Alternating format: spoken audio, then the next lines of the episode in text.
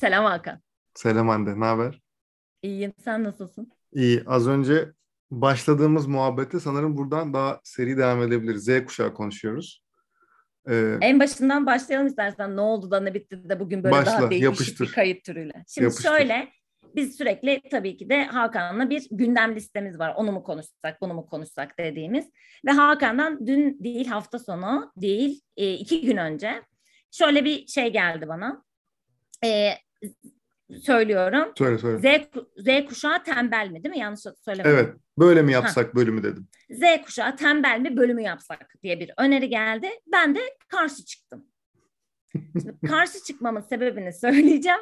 Ondan sonrasında da biraz önce başladığımız tartışmayı sizin huzurlarınızda devam ettiriyor olacağız. Bakalım nereye gidecek. Hadi bakalım. Şimdi e, ben dedim ki hayır yapmayalım bunu. Nedenini de şöyle açıkladım. Biz tüketime övgü olarak ve Hande ve Hakan olarak da yani ayrı ayrı bireyler olarak da klişe şeylerden, klişeleşmiş şeylerden mümkün olduğunca uzak durmaya çalışıyoruz. Ve bunlara yer vermiyoruz hayatımızda. Ve şu an etrafta kiminle konuşsanız bu ister işte bir yerde çalışan birisi olsun, ister işveren olsun, iş sahibi olsun, yönetici olsun fark etmez. Herkesin ağzında aynı şey var. İşte Z kuşağı tembel mi, Z kuşağı bir tuhaf e, vesaire diye devam ediyor süreç. E, bunun gibi etiketlemeler ve tamlamalar. E, sonrasında ben de dedim ki ben böyle bir klişeyi doğru bulmuyorum. E, o, da Hakan da dedi ki ben de doğru bulmuyorum ama bunu konuşmamız lazım. Ben de dedim ki ama benim elimde bununla ilgili bir done yok. Şöyle ki done yokla kastettiğim şey Hakan bana dedi ki Hande vegan sen vegan da değilsin ama veganlık konuşuyoruz. El, onda da elinde done yok bir deneyimin yok. Ama dedim ki ben orada bir sürü şeye bakabiliyorum. İnsanım, akıllı da bir insanım. idrak ediyorum, bir karar veriyorum ve bunu anlatabiliyorum. Ama Z kuşağında benim hep bu arada bu bizim çok uzun zamandır konuştuğumuz bir konu Z kuşağı mevzusu. Ben orada hep mikrofonu birine verdiğimiz e, Z kuşağından farklı e, sosyoekonomik seviyede, farklı eğitim seviyesinde, farklı meslek seçimi olan Z kuşağı insanlarına verip arkadaşım herkes sizi dinlemediğini iddia ediyorsunuz. Buyurun dinliyoruz. Nedir senin hayatındaki motivasyonlar? Bu insanlar sana ne sunsa e, sen mutlu olursun, bir iş yerine ait hissedersin, o işi yaparsın gibi daha bay, bayağı hatta burada şey de söyleyelim Abbas Güçlü ile genç bakış gibi bir hayalimiz var.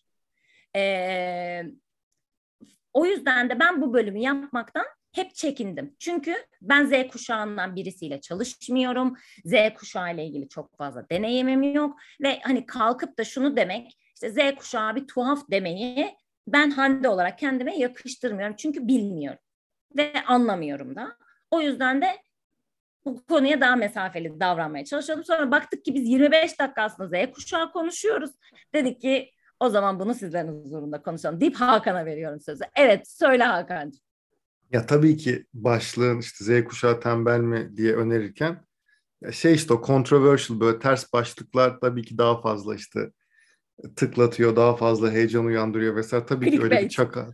Clickbait. Tabii ki öyle bir çakallığı var. O hiç başta. böyle görmediniz. Görmediniz. Tıklayın. 78. galeride bulabilirsiniz falan.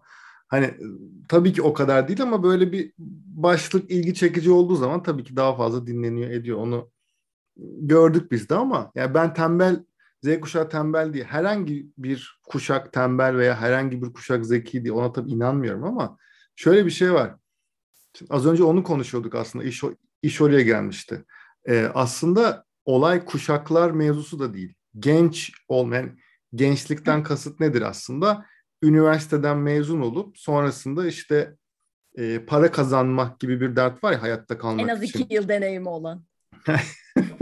yani işte oradaki o deneyimi kazanmak vesaire belki de o ilk çalışma yıllarının belki de o ilk 5-6 yılı aslında çok kritik. Çünkü nasıl başlarsan çoğunlukla belki de hani çoğu insan için öyle gidebiliyor veya işte bir, bir noktaya geldikten sonra hani orada daha fazla işte vazgeçmeler daha fazla, heyecanlar daha fazla, ağlamalar, zırlamalar vesaire daha fazla. Hani şu şu açıdan ben işte 10 sene önce herhalde 10 sene falan olmuştur. Ee, ben kendi kuşağımı yönetiyordum. Hiyerarşik olarak aslında ve kendi kuşağımdan insanlarda ben şu an Z kuşağıyla olan sorunların hepsini zaten yaşadım. Yani şu an Z kuşağına atfedilen acaba tembel mi, ne istediğini mi bilmiyor vesaire onların hepsini ben bir Y kuşağı olarak Y kuşağıyla zaten yaşadım. Dolayısıyla bundan sonraki kuşaklara çok benzer şey. Yani her kuşakta belki de böyleydi ama bazıları bunu, bunu dile getiriyordu, bazıları getirmiyordu. Bunu Aristo'nun kuşağı da yaşadı. İşte, ee, Aristo'nun e, işte evet. Aristo'nun gençler çalışmıyor dediği bir sözü var. Yani şimdi hani şey gibi değil. Hani bu e, yüzyıllardır devam eden bir akım. Çünkü her e, şimdi kuşak mecbur bana sorarsanız bu arada yani kuşak çalışanları da dinlediğim zaman e, kuşak mecburen aynı bizim ses grubunu nasıl aslında çok sevmiyoruz ama ses grubu bir e, tanımlama, bir gruplama diyelim. Kuşak da benzer bir gruplama. Şimdi ben Y kuşağıyım diye beni bir kalıba sokun yani benim mind, zihin yapım zaten böyle çalışmıyor. Bir yere etiketlenmek, bir yere ait olma vesaire ama benim jenerasyonumda, benim doğduğum yıllar arası doğdu kuşak oraya denk geliyor. E ve günün sonunda benim gibi bir sürü benzerlikler gösteren insanlar var. E bizi yetiştiren ebeveyn ya da öğretmen e, ya da işte yöneticilerimiz benzer olduğu için çoğumuz benzer özellikler taşıyoruz. Ama yani işte ben dibine kadar bu aynı burç mevzusu gibi birazcık da yani ben dibine kadar bir Y kuşağıyım. Böyle bir şey ben hiç hayatımda duymadım. Hiç böyle bir cümle kurmadım. Kurma ihtiyacı da hissetmedim. Ama burada tabii ki de işte dediğim gibi şeyler var. Ee, mesela yetiştirilme tarzımız. Bizim ben Y kuşağından ziyade mesela performans e, odaklı yetiştirilen grup tanımlamasını daha doğru buluyorum. Çünkü bu daha içselleştirdiğim bir şey. Bizim ebeveynlerimiz, öğretmenlerimiz hep işte Anadolu Sesi'ni kazan, Anadolu Sesi'ne gir ya da işte koleje gir. Anadolu Sesi'nden sonra eğer işte yaşlara göre değişkenlik gösterir, ortaokulu bitirdikten sonra fen lisesi macerası başlayabilir. O da işte fen lisesi olmadı ya da orada Anadolu Sesi devreye girerdi e, bizi dinleyen şu an Z kuşağı arkadaşlarımız diyecek ki Anadolu Sesi ne ya? Bizim zamanımızda Anadolu Sesi çok prestijli bir şeydi. E, sonrasında üniversite, hadi üniversiteyi bitir vesaire diye devam eden sürekli bir hedef konan işte yarış atı gibi denen şey var ya biz oyuz aslında. Hadi onu İngilizceyi de öğren, onu da öğren, bunu da öğren vesaire diye. Ama bizim kuşağım, bizim jenerasyonumuz şu an ebeveyn olduğunda bambaşka bir şeyin peşindeler. Onlar da çocuklarına diyorlar ki aman sen ne mutlu olacaksın onu yapsın. Üç yaşındayken balerin olsun. Çünkü biz aşırı böyle yetiştirildik. Hep hedef, koş, başarılısın ya da başarısızsın. Çok net ayrımlar. Orta yol diye bir şey yok. Hani ortalarda ya da Türkiye'de mesela neden girişimci vesaire olmuyor'nun da belki sorusu bu bizim jenerasyonumuzda. O sıkışmışlıkla vesaire diye çok uzayabilir. Ama dediğim gibi ben birazcık kuşak mevzusuna böyle bakan bir taraftayım. Böyle bakmayı tercih ediyorum. E, konu Z kuşağına gelecek olursa da oradaki şey biraz önce konuştuğumuz şeyi belki yine yineleyeceğim. Ama tercih mevzusu. Belki de bu çocuklar tembel değil vesaire değil ama ne seçeceklerini bilmiyorlar ya da nasıl karar vereceklerini bilmiyorlar. Neden diyeceksiniz? Niye bunlar hani farklı mı? Hayır değil ama şöyle bir şey var. Mesela biz dijitale daha kolay adapte olduk. Neden? Biz ikisini de gözlemledik. Yani analog telefon da vardı hepimizin evin. Dırr dırr dönen telefon da benim çocukluğumda vardı. Şimdi cep telefonu kullanıyorum. Biz birazcık o geçişleri yaşayanız. Ama bu çocuklar çok fazla seçenek içerisine doğdular. Çok hızlı, hayatın çok daha hızlı olduğu süreçlere doğdular. Belki de bir karar vermek, karar verme mekanik böyle şeyler o, bizdeki gibi çalışmıyor olabilir. Yani farklılaş farklı olanı ötekileştirmeyi ben çok doğru bulmuyorum. Bu benim düşünce biçimime çok ters. Sen ne diyorsun? Ya öyle bir şey ki bu. Öyle iki tarafı var ki. Yani şeyleri çok iyi anlıyorum. Mesela Z kuşağını işte ben konuştuğum şu andaki işte büyük şirketlerin C-level'larının vesaire falan konuştuğumuz zaman konu böyle üçüncü dakikada şeye geliyor. Biz Z kuşağını çalıştıramıyoruz. İşte Z geliyor, kuşağı geliyor. Gidiyor. Ha geliyor işte e, hani ne hibrit çalışma mı deyip bana hemen işte üçüncü haftada başka iş buluyor gidiyor vesaire falan gibi şeyler var. İş günün sonunda şeye geliyor. İki tane önemli nokta var. Bir, beklenti yönetimi yine her şey. Ama beklenti yönetiminin de çözül, çözemediği örnekleri çok fazla görüyorum şu an. Yani anlatmak istediğim şu. e, mevzu şudur ya normalde işte bir e, çalışan işveren şeyinde diyelim karşılıklı işte mütabakatında ne vardır? Sen bir şirkete işte başvurursun veya şirket sana bir teklif iki, iki taraflı da olabilir. E, bir çalışan olarak tabii bu çalışan işveren şeyinden bahsediyorum. Bir e, çalışma adayı olan Z jenerasyonu e, der ki benim işte isteklerim bunlar bunlar bunlar veya tam tersi bizim şirket olarak aradıklarımız bunlar bunlar bunlar. Ve günün sonunda orada bir e, karara varılır aslında. Bir hani Hı. evet karşılıklı olarak bu okeylenir. E, ama şeyi görüyorum ben çok fazla. Bu okeylendikten çok kısa bir süre sonra e, Z yani Z kuşağındaki şu an güncel örnek güncel kuşak onlar olduğu için o örnek ki verebiliyoruz aslında. E, sonrasında a benim istediğim bu değil deyip e, hemen orayı terk etme veya gitme eğiliminde olduklarını görüyoruz. Şimdi burada ben şeye bakıyorum ya e, bu tarafta Z kuşağındaki arkadaşları haksız görüyorum ben açıkçası. Çünkü şimdi şöyle bir durum var. Eğer e, işveren tarafında söylenenlerden farklı bir şey sunuyorsa iş işveren tabii ki haksız olan işveren. Ama söylediklerini yerine getirip bundan şey memnun olmuyorsa e bu sefer sorun o tarafta. Yani sen demek ki tam olarak ne istediğini bilmiyormuşsun. Yani dolayısıyla bunu çözmek için e, sen orada ne yapıyorsun? Oradaki çözme kısmı hemen gitmek oluyor. Bu da olabilir tabii ki. Kimse kimse hani niye kaldın, niye gittin vesaire falan öyle bir şey. Tabii ki yok. Herkes gidebilir ama burada şunu da görüyorum. Yani o beklentiyi karşılıklı okeyleştikten sonra da mutlu olmayan çok büyük bir yüzde olduğunu görüyorum ve duyuyorum. Peki sen söylerken bu arada beklenti yönetimini ilk defa bak şöyle bir not aldım beklenti yönetimi diye yazdım oraya. Ee, buradaki problemlerden bir tanesinin şu olduğunu düşünüyorum. O beklentiyi set eden o grubu ve o grubun dinamiklerini bilmeyen birisi. Hatta bana sorarsan o beklenti belki bizim jenerasyonumuzun bile beklentilerini aslında anlamayan ve bilmeyen bir beklenti. Yani maaş işte tam sağlık sigortası, ticket bu yüzyıllardır böyle devam ediyor. Yanlış bilmiyorumdur diye düşünüyorum bunu yani. Bence böyle. Genel olarak işte, böyle. Yılda işte 15 gün izin falan bunlar değil mi? E, ama yani şöyle düşün e, bir yandan bu, yani bu bir, bir beklentinin doğru bekle set edilip edilmediği birinci sorun. İkinci sorun da şu biz ebeveynlerimize şunu demedik mi? İşte mesela ben benim bir yerde en uzun çalıştığım süre iki buçuk yıl. Ve bunun için mesela ailem bana, benim annem aynı şirkette 20 yıl çalıştı. Ve biz de ben hep şunu söylüyorum. Nasıl olabilir ki? Yani bir insan nasıl bir şirkette 20 yıl çalışır? Hiç mi sıkılmadın? Hiç mi başka ne var diye merak etmedin diye benim kafamda geçenler Bizde bunlar. de öyle. Girip girdikleri yerden emekli olmuşlar. Emekli olanlar. Şimdi evet. E, biz bir üst jenerasyonumuz için bunu diyoruz.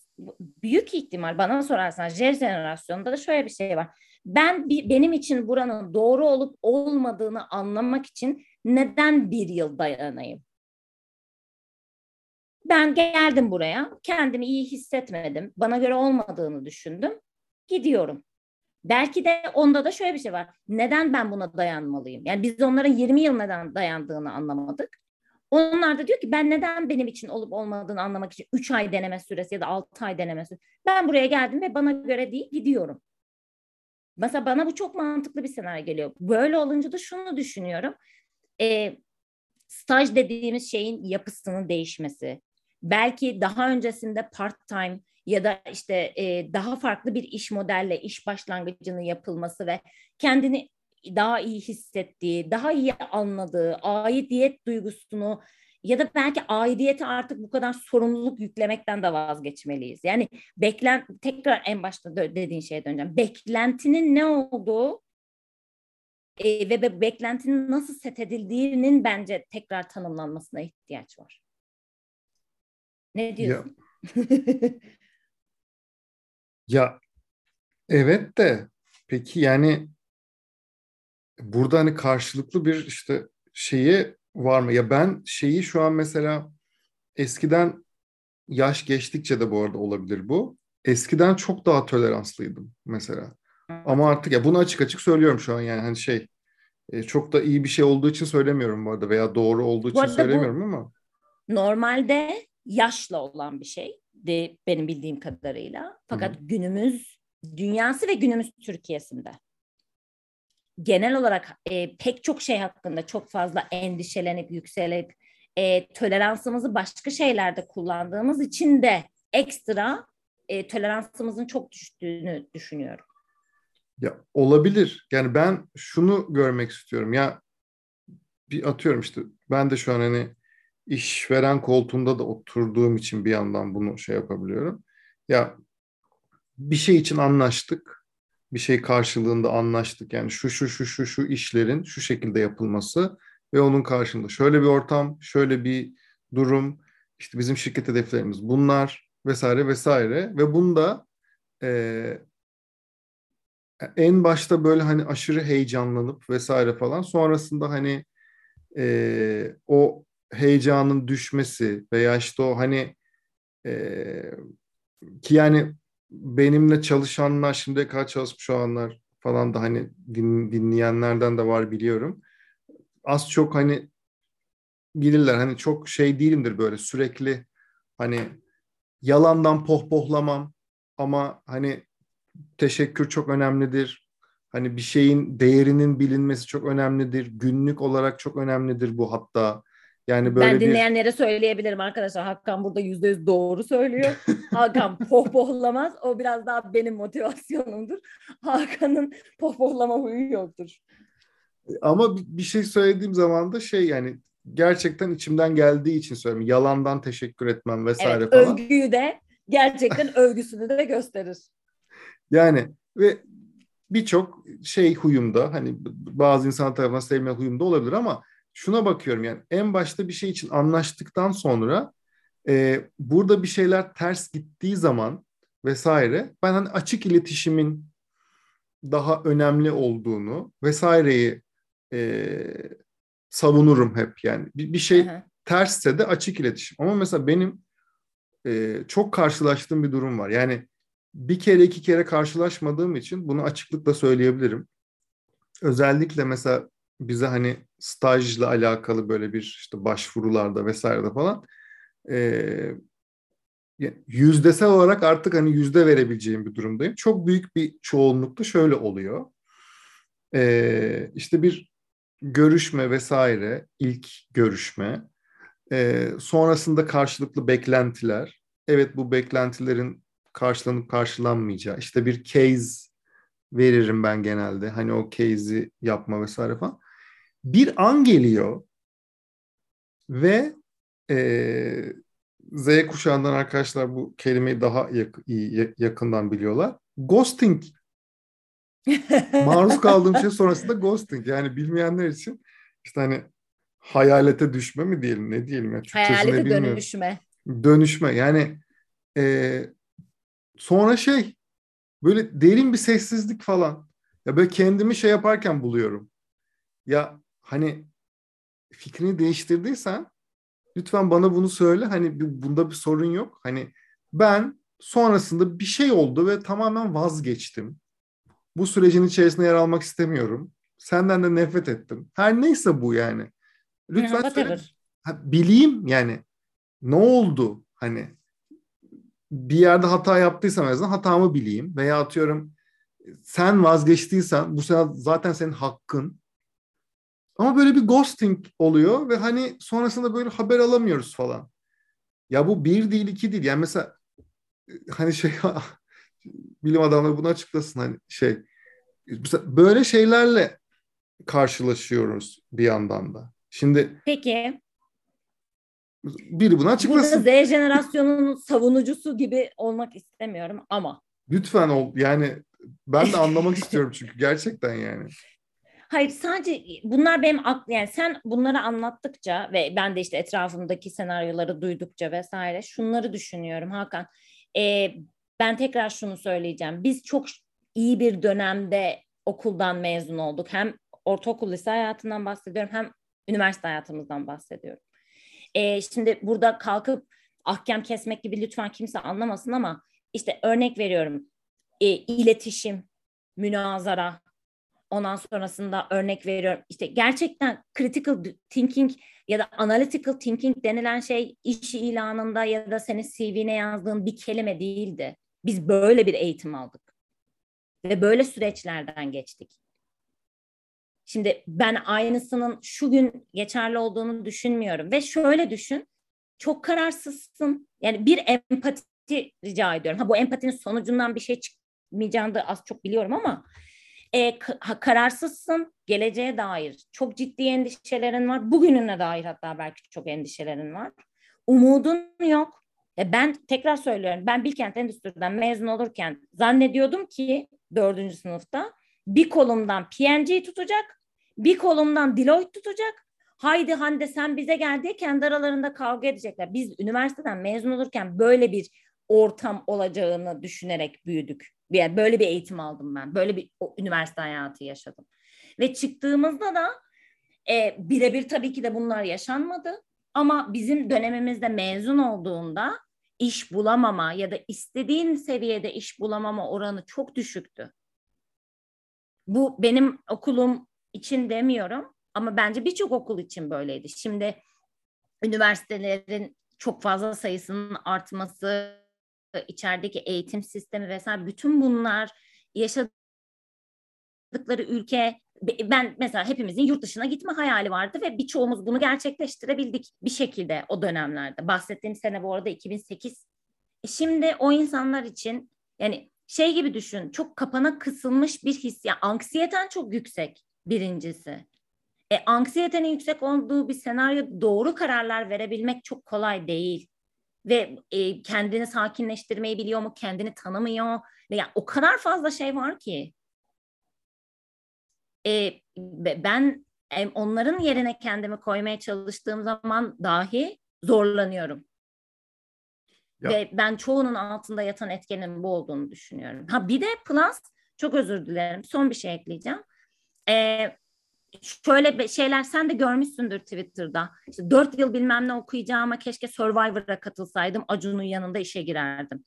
İşte aman info, bunu asla küçümsediğim ya da hor gördüğüm için söylemiyorum ama insanların kanısı özellikle ürün tanıtımı yapan influencerların hayatının çok kolay olduğu, oturdukları yerden para kazandıkları yönünde ki ben böyle olmadığını düşünüyorum. Kamera açıp e, bütün hayatını paylaşmak ya da vesaire çok kolay bir şey değil. İçerik üretmek zaten yani içerik üretiyorsa zaten o bambaşka bir şey. İçerik üretmek de hiç kolay bir şey değil. Biz içerik üretiyoruz. Ee, yani podcast yapıyoruz. Ben kendim ayrıca da içerik üretiyorum. Zannedildiği kadar kolay şeyler değil. Bir yanda da kafada böyle şeyler var. Ben gerçekten e, empati kurmaya çalıştığımda ve onların yerinde olmaya çalıştığımda bana ağır geliyor yük. Ya tamam ağır geliyor da yani sonuçta bir para kazanması gerekiyorsa bu insanların tamam mı? Yani çok iyi anlıyorum ya ben de bir işte atıyorum yakın zamanda bir panik atak vesaire falan işte o anksiyeteleri çok yakından yaşamış biri olarak anlıyorum.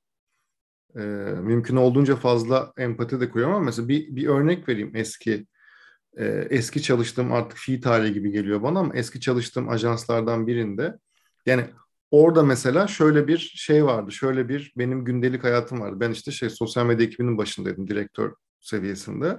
Ve şey işte 10-12 kişilik ekibim işte değişiyordu hani şey olarak sayı olarak işte yeni gelen işte biliyorsunuz ajanslarda turnover vesaire falan bir tık hmm.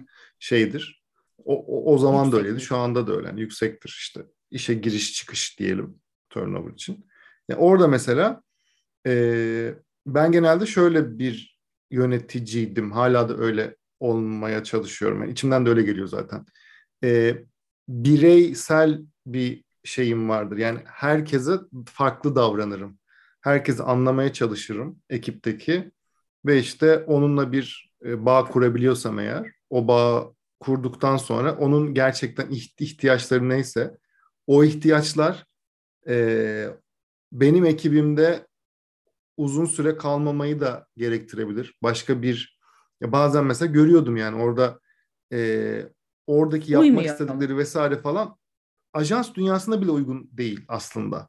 Ama şu an orada para kazanıyor vesaire. Ben şey yani şey yaptığımı da biliyorum. Yani e, yani işte iş görüşmesi için işte hasta diye beraber yalan söylediğimizi de biliyorum. Hani normalde benim ekibim ve işim aksayacak ama bir şekilde onu tölere ettiğimi de biliyorum. Hiçbir kazancım olmadan aslında. İşte atıyorum başka işte hobilerine zaman ayırması için yönlendirdiğimi de biliyorum. Çünkü belli yani orada mutlu olmayacak ve zaten orada bir geleceği yok yani. Orada niye ona hı hı. şey çektirelim ki, çile çektirelim ki bütün hani o organizasyon ve kişi olarak neden öyle bir çile çeksin ki? Bir tanesi çok iyi hatırlıyorum. Çok yani benim hayatımda da önemli e, yeri olan anılardan biri mesela. Bir gün bir ekipteki bir kız arkadaşımız böyle stres o kadar üzerine şey oldu ki ben de hani böyle o şeyi görüyorum yani işte markalarında Yanıyor. sorunlar çıkıyor falan hani marka sayısı çok yüksek değil ama yani böyle bir sorunlar yaşanıyor yani karşılıklı vesaire falan. Yani hüngür hüngür böyle artık ağlamaya başladı falan böyle hani şey herkesin ortasında falan ki bu hani ajans dünyasında falan da çok olur özellikle genç arkadaşlarda. Tabii. Genç Benim olmasına da gerek yok. Öyle ağlamışlığım çoktur yani. Yani olur yani şeyde ve şey hemen işte hani e, koşarak çıkarsın beraber işte bir çay kahve içersin bir hava alırsın vesaire falan ama şeyi bilirsin yani orada bir şey değişmediği sürece iki gün sonra gene aynısına gelir Tabii. vesaire. Şu an o arkadaş mesela e, Türkiye'de çok önemli bir yani yoga eğitmeni oldu mesela. Şimdi hani o yolunu buldu ve o yolunu bulurken de mesela işte çok farklı yerlerden geçti. O serüvenin hani artık Instagram'dan takip ediyorsunuz ya bir yerden sonra iş arkadaşlarınızla falan. Orada onu böyle sırayla sırayla sırayla o gidişatını gördüm ve şu an çok mutlu. Hani yani şey vardır ya tırnak içinde ışık saçıyor falan. Hani baya o modlara geldi şeyde. Şimdi e, bir şekilde günün sonunda ama bunu bulması yıllarını aldı. Yani Tabii. aynı jenerasyondayız. Ve hani orada şey olduğu zaman en başta senin dediğine geliyor aslında. En baş tabii ki yani kendini tanımıyorsun, bilmiyorsun vesaire falan ama yani şöyle bakmak gerekiyor. Şimdi herkes şu an şey çağındayız ya. Hepimiz bir amaç için hem de çok ulvi hmm. bir amaç için gitmek zorundayız falan. Tamam ne güzel ama bu ulvi amacı bulmak birçoğumuz için her zaman olmayabilir. Birçoğumuz Tabii. hayatının sonuna kadar bu amacı bulamayabilir. Kendini gerçekleştirme mücadelesi. Bu arada çok basit böldüm ama Maslow'un piramidi. Önce hayati idami ihtiyaçlarını giderirsin. Kendini gerçekleştirmek en üstteki basamaktır. Yani arada daha üç tane daha kademe vardır tamamlanması gereken. Yani sen para kazanıp da önce bir hani sen dediğin gibi bir karnını doyurup barınma vesaire falan işte sosyal bilmem falan onları halletmeden zaten oralara gidemiyorsun. Sadece şunu şey yapıyoruz. Herkes o mesela o amacı buldun diyelim bu arada. O amacı erken yaşta bulsan bile o amaç uğruna giderken istemediğin bir sürü şey yapıyorsun yine de. Şimdi birçok insanın kaçırdığı nokta da aslında bu. O istemediğin şeyleri mutlaka yapacaksın. Mutla, bundan hiçbir kaçış yok. Yani o 100 birimin bilmem kaç birimi mutlaka o istemediğin işte angarya olabilir. ızdırap, fazla... ızdırap. Bak bu, bir bu şekilde, gerçekten evet. doğru kelime ne biliyor musun? ızdırap. Ee, bu arada hayatta olgunlaşma için yani Maslow'un piramidine geri döneceğim. Kendini gerçekleştirmeye de istediğin şeyi, kendi hayatında gerçekleştirmek istediğin şeyi bulabilmek için zaten ızdırap çekmen gerekiyor. Yani bir problemin olacak, kendini analiz edeceksin, hayata dair bir kaygı. Yani bu, bunlar bu bulma sürecinin bir zaten olmazsa olmaz parçaları. Yani bir gün kafede otururken böyle bir şey ben yoga eğitmeni olayım böyle bir şey değil. Arayış, o sancıları çekme yani herkes birazcık varoluşçuluk öğrenmeli bence. senin senin ızdırapların nelerdi? Benim ızdıraplarım ben hep bir noktadan sonra şeyde yetmiyor. Bu bana yetmiyor. Ben çünkü çok çabuk sıkılan birisiyim. Ailedeki lakabım maymun iştahlı ben düzeni kurup bir şeyleri rayına sokmaya başladığım an bana şey geliyordu yani benim buradaki sürem bitti. Benim başka bir şeye ihtiyacım tamam var. Işte vardı. Sen, sen Z, Z kuşağısın demek. ben Z kuşağına bu arada çok benziyorum. Bu arada hala öyle giyiniyor falanım da yani. Hani o yüzden ben size göre daha bir tık daha yakınım onlara. Ama şöyle şeylerim vardı yani işte mesela ne bileyim ta, yeteri kadar takdir edilmiyor olmak, övgü almıyor olmak, e, hakkımın verilmiyor olması. Bu illa maaş anlamında değil. Bazı şeyleri bu böyle yapılacak. Neden? Hani mesela sorguluyordum yani. Neden? Bence öyle yapılma. Oturup anlatmaya çalışıyordum. ikna etmeye çalışıyordum. Ha yaptığım şey senin anlattığın senaryo ben açık iletişimi çok kuruyordum. Ha, ama önceleri hiç kurmuyordum. Küsüyordum patronuma. Yani patrona küsülür mü? Küstüm. Ve hiç fark etmedi bunu haklı olarak. 100 kişiydik çünkü şirkette yani. Nasıl olacak mesela işte orası nasıl oluyor olacak yani Ama mesela? şimdi şöyle e sonrasında şunu anlıyorsun yani biraz eşimle dostumla arkadaşımla konu dedim işte küstüm ben dedim. Hiç anlamıyor, hiç oralı olmuyor. Anlamıyor da değil o zamanki zihnimde. Diyorum ki oralı olmuyor, hiç sallamıyor. Ben zaten değersizim. Ben zaten bu, o kadar kendime böyle negatif şeyleri yaftalamaya müsaittim ki. Çünkü çocuk yani aslında e, çok güvensizlik lerle büyüyoruz. Şimdi kendim hakkında da aşırı fazla şeyde ki iç dünyamla ilgili ve geçirdiğim mücadele o başka bir bölümün başka bir son son terapide de programı. konuştuğumuz gibi falan. Aynen. Bu arada çok emek harcadım. Yani şimdi bunları anlatıyorum ama 8 yıllık bir emek var bunun arkasında. Hala da harcamaya devam ediyorum. Ee, sonrasında dedim ki yani demek ki böyle olmayacak. Toplantı talep ettim. E, toplantı talep ettim. Bu sefer de ilk toplantıya gittiğimde çok yüksek çıktım. Çünkü nasıl konuşulması gerektiğini ve konuyu oraya nasıl en sonda söylemem gereken şeyi en başta söyledim mesela. E, son, ye, e, ye, nasıl o şeyse e, günün sonunda insanlarda kredin var. Yani hiç kimse seni ilk seferinde yanlış yaptı bu diye çıkarmıyor. Ondan sonra o dedi ki bana ben, benle böyle konuşuyor olman sence normal mi? Dedim ki ha demek ki bir yerde yanlış yapıyorum. E sonra bir daha bir böyle bir problem yaşadığımızda daha sağlıklı bir yere, daha sağlıklı, daha sağlıklı, daha sağlıklı derken öğrendim. Yani hayattaki her şey gibi böyle sorunları da çözmeyi öğrendim ve açık iletişim yaptığım zaman insanların benim beynimden geçirenleri okuyamayacağını bir noktada idrak ederek açık iletişimin ne kadar doğru, ne kadar kolay bir şey olduğunu, hayat, benim hayatım ve konforumu arttırdığını gördüğüm için de olumlu done topladım. Bizi dinleyen psikologlar varsa biliyordur. Selam olsun hepsine. E, olumlu döneler toplayarak dedim ki açık iletişim çok güzel bir şeymiş. Ben bundan sonra hayatımda açık iletişim kurayım. Ama işte diyorum ya Hakan yani şu an bunları beklediğimiz pek çok kişi aslında 24-25 yaşında. Yani ailelerimizin belki bize insafsız davrandığını düşünüyorduk. Ama ben o çocuklara şu an çok daha insafsız davranıldığını düşünüyorum. Çünkü 24 yaşındaki bir çocuktan herkes kendi geldiği noktada e, reaksiyonlar bekliyor. Peki bu o reaksiyonları bu çocuklardan alabilmek için bu senin Hakan olarak bireysel sorumluluğun değil. Ama yaşadığımız parametreleri göz önünde bulundurarak da beklenti yönetimi dediğin şeyde bu beklentilerin de dahil olması gerektiğini düşünüyorum. Ben evet. bayağı Z kuşağı savunucu, Z kuşağı aktivisti olacağım. Ben eskiden daha fazla savunuyordum bu arada. Evet sen söyleyeyim. bu arada çok değiştin. Bu konuda çok değiştin. Ya evet hatta şeyi bile biliyorum yani bazı e, bazı arkadaşların hani abi sen bize bizden daha çok güveniyorsun galiba falan diye. Hala güveniyorum bu arada onda bir şey yok da e, ben şeye sanırım bu sanırım benimle alakalı bir şey de olabilir yani artık kuşak vesaire falan da olabilir ama bir şey yapılacak evet karşılıklı mutabık kaldık Sonrasında böyle saçma sapan bir yere gidince veya hani işte ben bunu yapamıyorum veya yapmak istemiyorum sebebi de bu diye bir daha gelmeyince ve o iş yapılmayınca benim elimdeki şeyler tükeniyor.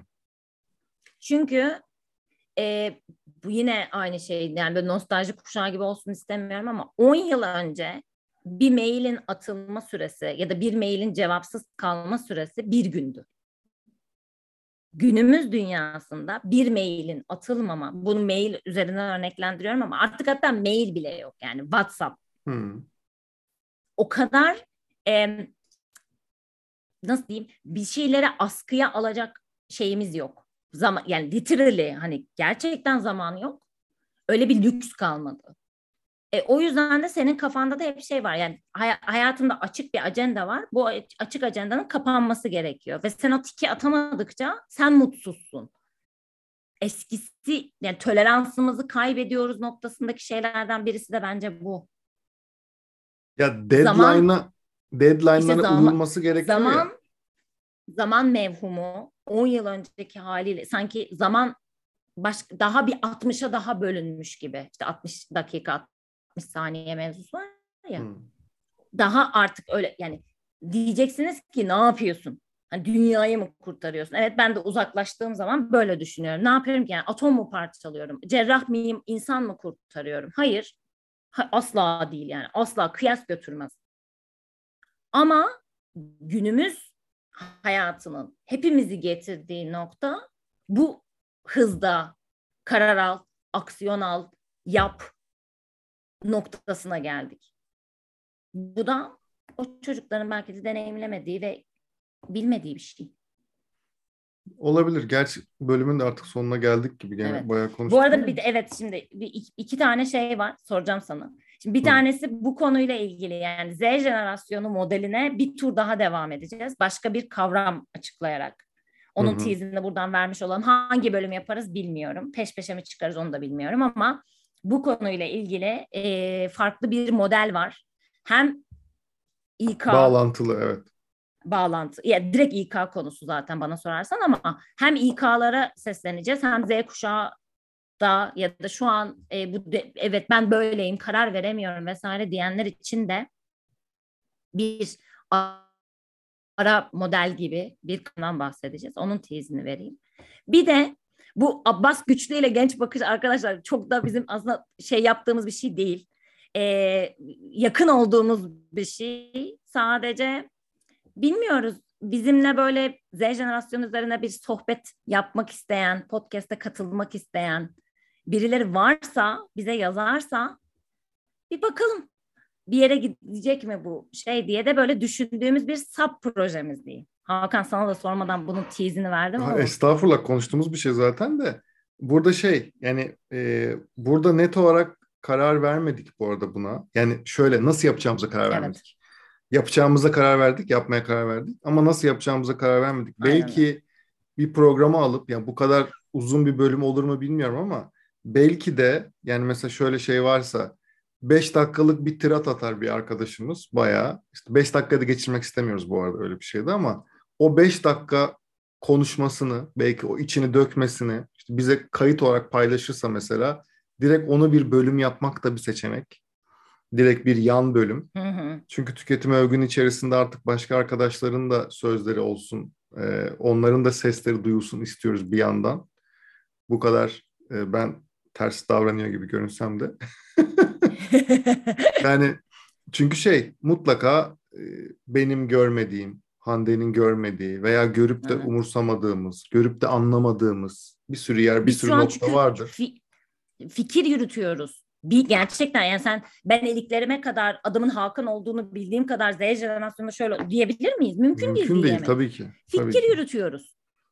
Ama sizin sesinizin de duyulma. Yani biz şu an hani tüketim övgüyü bir noktaya getirdik ve çok işte e, sağ olsun birçok insan dinliyor, değer veriyor, yorum yapıyor vesaire falan. E, dolayısıyla burayı siz de kullanın yani. E, bunu şeye de dönüştürmek istiyoruz bu andan. Yani sadece hani Z jenerasyonu gibi ama işte öğrenci arkadaşlarımız, e, yeni çalışmaya başlamış arkadaşlarımız yani herkesin böyle bir e, Güzin abla gibi olmasa da en azından şey o dertleri daha fazla kişiye ulaştıralım ki belki bizim bir katkımız oluyorsa çözümlerine ona da bakalım ama en azından en başta konuşarak başlıyor ya her şey.